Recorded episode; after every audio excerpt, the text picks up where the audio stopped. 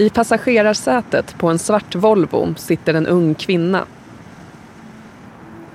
Det är en eftermiddag i maj och bilen står parkerad i Bandhagen i Stockholm. Polisen kallar den unga kvinnan i bilen för prinsessa. Hon är en av hundratals kvinnor i Sverige som har en viktig roll i den undre världen. För medan hon väntar i bilen överlämnar hennes pojkvän fem kilo hash till en kille i grå hoodie.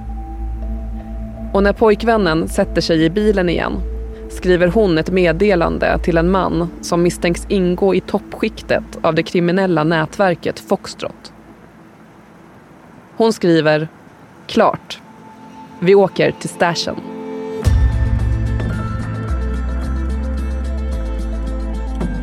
Från Dagens Nyheter. Det här är Spotlight. Idag om kvinnornas roll i gängen. De värdefulla gröna gummorna. Jag heter Emma Lokins.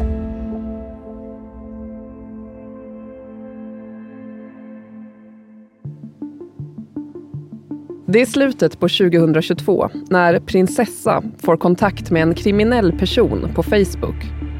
Han, en högt uppsatt person inom Foxtrot-nätverket.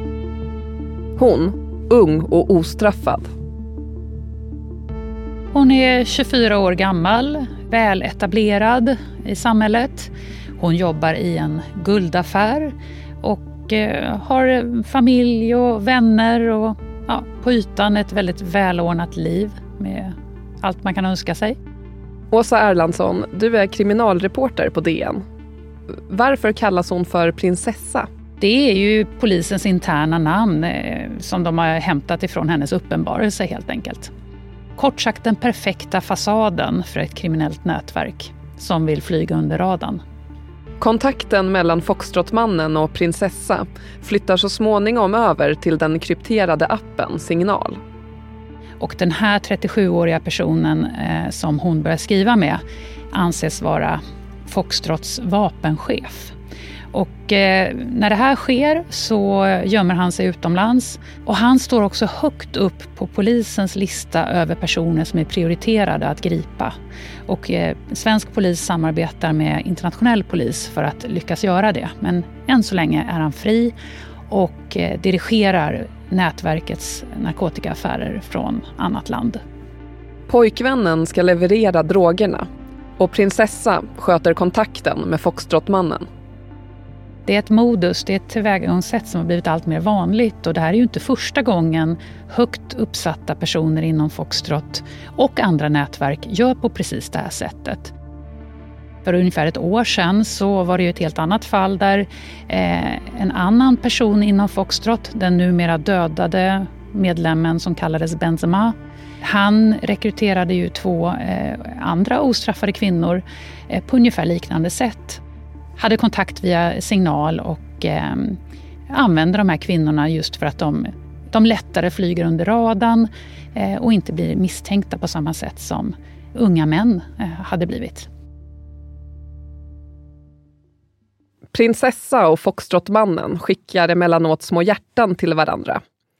De har en rätt flörtig ton i sina meddelanden. Hon kallar honom för daddy och han är uppmuntrande och humoristisk vilket hon också besvarar. De skämtar om hur hopplös hennes kille är. Att hon behöver styra upp hans drogleveranser. Och det här är också ett välkänt fenomen att de här kriminella eh, gängmedlemmarna är duktiga på att knyta människor till sig, att få dem att göra som de blir tillsagda. Ja, det är en manipulation som pågår helt enkelt. Hon eh, lyssnar ivrigt på honom och Eh, är väldigt drivande i att utföra de här uppdragen som hon får till sig.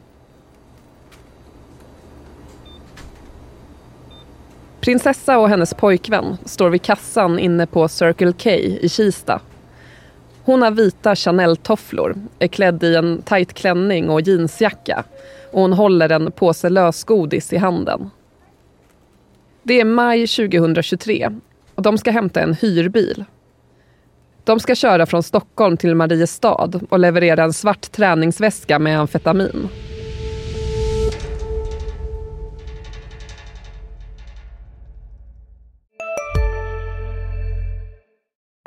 Alltså äter du i duschen? Nej, det gör jag verkligen inte. Men alla gör ju det nu. Duschsnacks, Frans. Vilka är alla? Ja, men alla på TikTok och bloggar och allt möjligt. Så det är, de har en tallrik i duschen och så är det lite så här oliver och ostbågar typ. Nej men gud, tapas. Där drar jag gränsen. Jag, jag kan sträcka mig till duschöl. Men annars så får man torka sig innan man hugger in på godsakerna. Ja, men lyssna på Nära vänner, en podd med mig Fanny och dig Frans med Expressen. Viktiga nyheter. Hej, Ulf Kristersson här. På många sätt är det en mörk tid vi lever i. Men nu tar vi ett stort steg för att göra Sverige till en tryggare och säkrare plats. Sverige är nu medlem i Nato. En för alla, alla för en.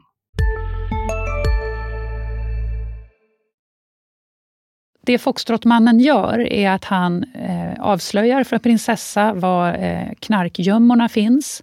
Sen får prinsessa instruktioner om vilka mängder som ska hämtas och vilka adresser det ska levereras på. För jobbet får prinsessa en månadslön på 40 000 kronor samt bonus i form av pengar eller narkotika vid väl utfört arbete. En gång handlar det om 100 ecstasy-tabletter. Paret eh, hämtar ju narkotikan från de här gömställena och sen ger de sig ut på en landsomfattande turné och distribuerar det här på adresser i Stockholmsregionen, i Göteborg, Norrköping, Gävle, Filipstad, Nora, Söderhamn. Ja, all over the place.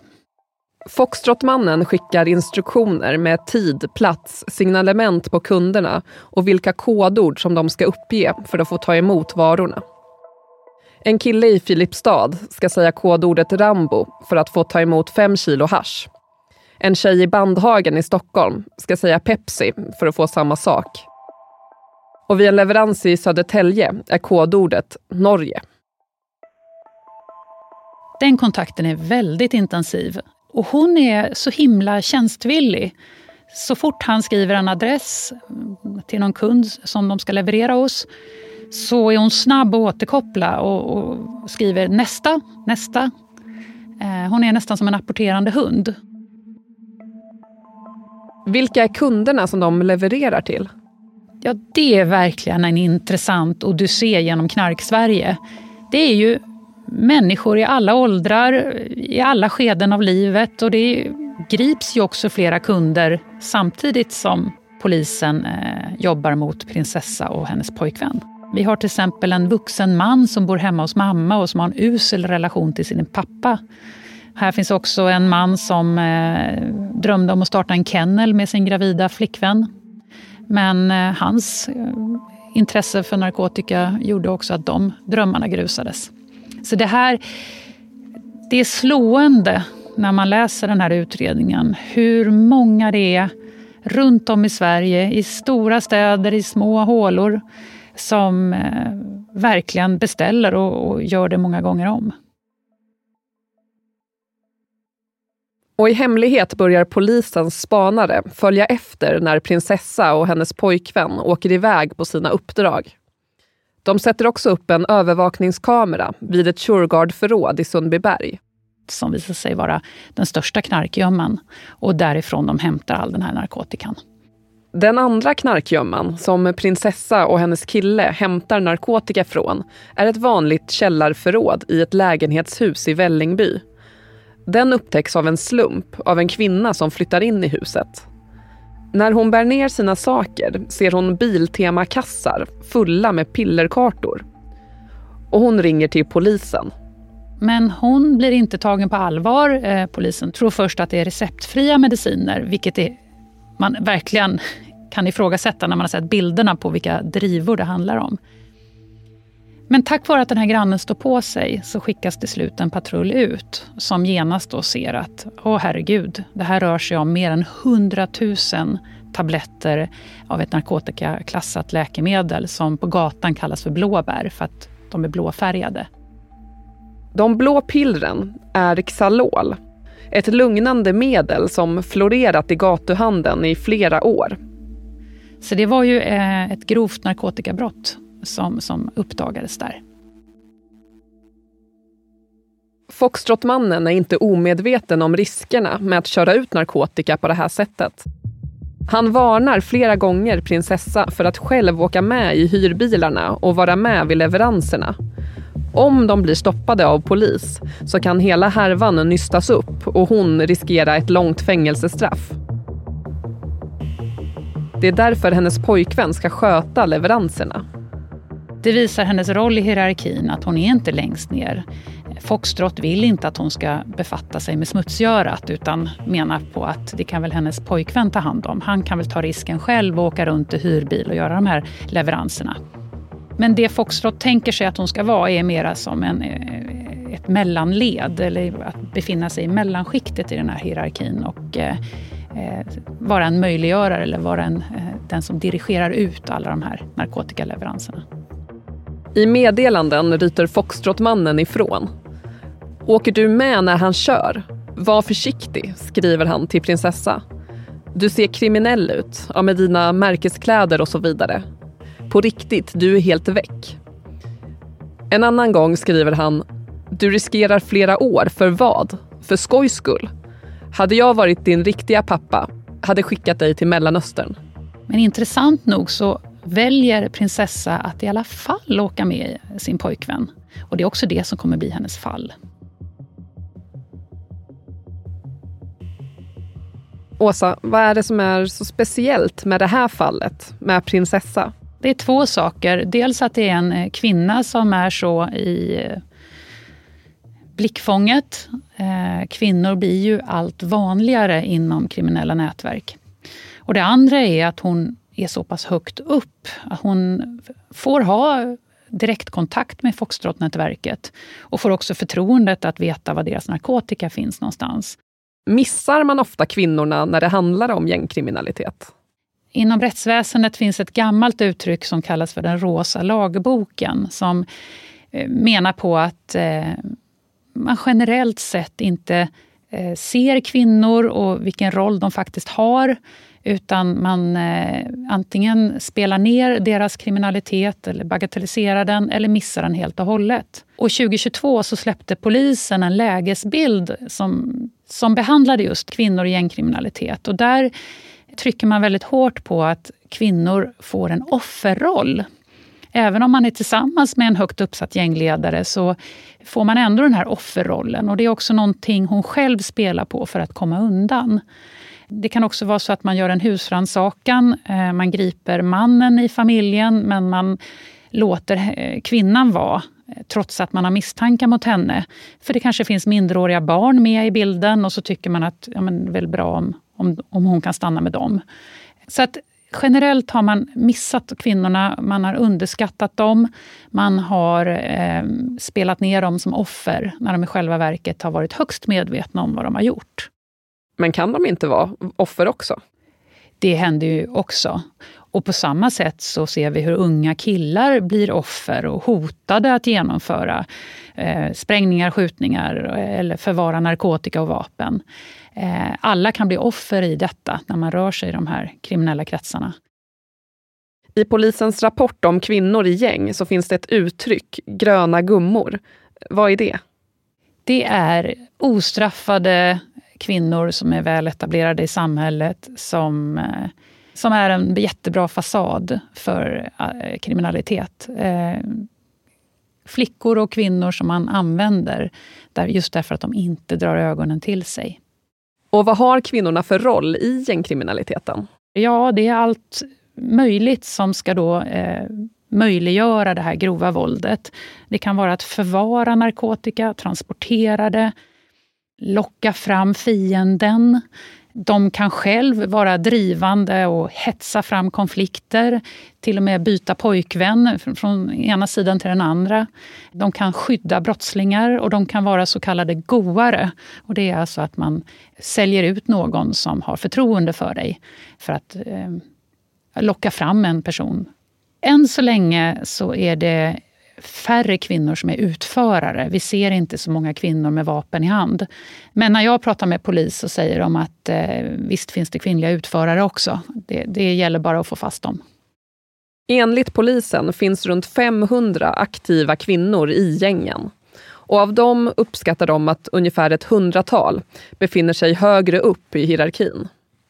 Fortfarande är det här en väldigt mansdominerad värld, men kvinnorna ökar i antal och de klättrar uppåt. Och i en polisregion så vittnade man om att när den manliga ledaren eh, skadades eller dödades, försvann ur bilden, då var det en kvinna som tog över.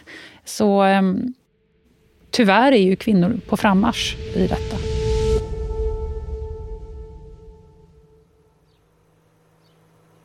Klockan är halv ett en dag i juni 2023. Prinsessa sitter återigen i passagerarsätet på en svart hyrbil utanför förrådet i Sundbyberg. Jalusin på Shurgard-förrådet är knappt uppdragen till hälften så det går inte riktigt att se in. Pojkvännen kommer ut genom den låga öppningen. Med sig har han en flyttkartong som han lägger i bagageluckan. Men vad de inte vet är att de är bevakade. Polisens övervakningskamera har suttit där i en vecka. Och på filmerna har man sett hur framförallt prinsessas pojkvän har hämtat och lämnat kassar och kartonger som polisen misstänker innehåller droger. Paret lämnar förrådet och kör norrut på E4. De gör korta stopp i Gävle och Ockelbo. Sen kör de vidare till Söderhamn där lämnar pojkvännen över en blå påse till en man. De kör vidare till Sandviken, byter förare, kör vidare till Avesta, sen till Nora och sen till Strängnäs. Paret har kört in på en Circle K och gått ur bilen. Prinsessa ska precis sätta sig i bilen igen och pojkvännen ska precis gå ut ur butiken när polisens spanare slår till. De griper honom utanför butiken och henne vid bilen. Och när polisen öppnar bilen då känner de en doft av cannabis slå emot dem. I baksätet i en bur sitter också prinsessas lilla hund. De grips odramatiskt, kroppsvisiteras och trots att prinsessa har kokain i underkläderna så förnekar hon brott.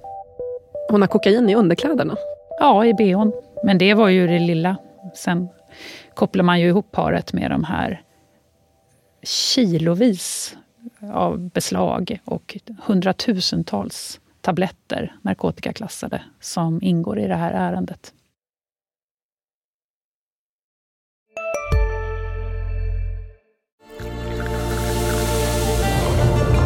Välkommen till Maccafé på utvalda McDonalds restauranger med Baristakaffe till rimligt pris. Vad sägs om en latte eller cappuccino för bara 35 kronor? Alltid gjorda av våra utbildade baristor. Hej, Synoptik här. Hos oss får du hjälp med att ta hand om din ögonhälsa. Med vår synundersökning kan vi upptäcka både synförändringar och tecken på vanliga ögonsjukdomar. Boka tid på synoptik.se.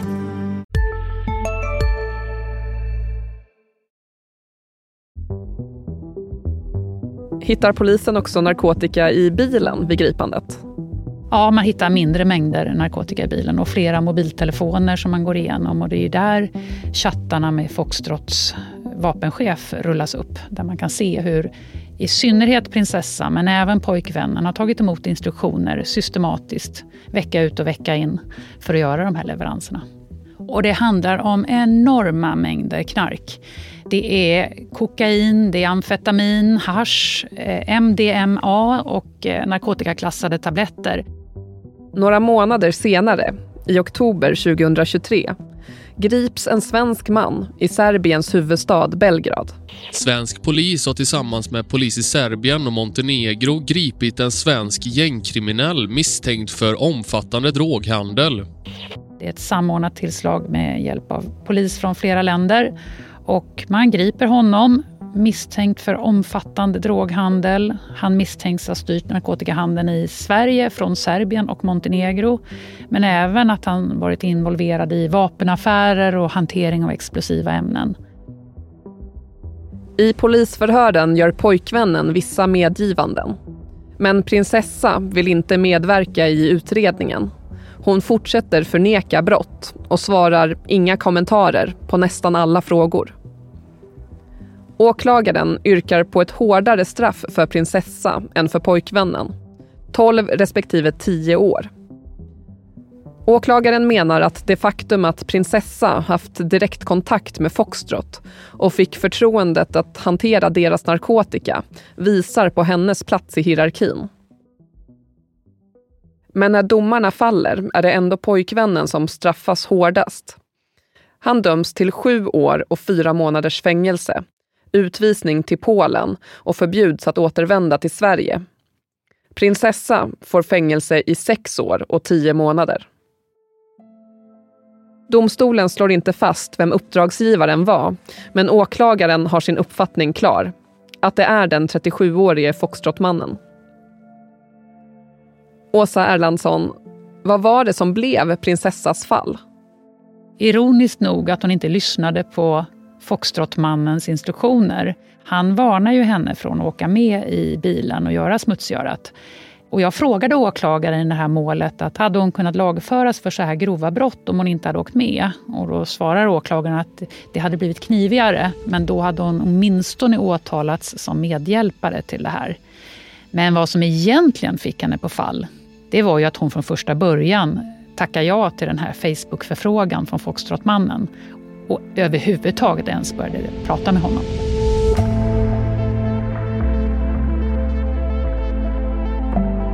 Du har lyssnat på Spotlight med mig, Emma Lokins. Gäst var Åsa Erlandsson, kriminalreporter på DN. Producent Sabina Marmelakai.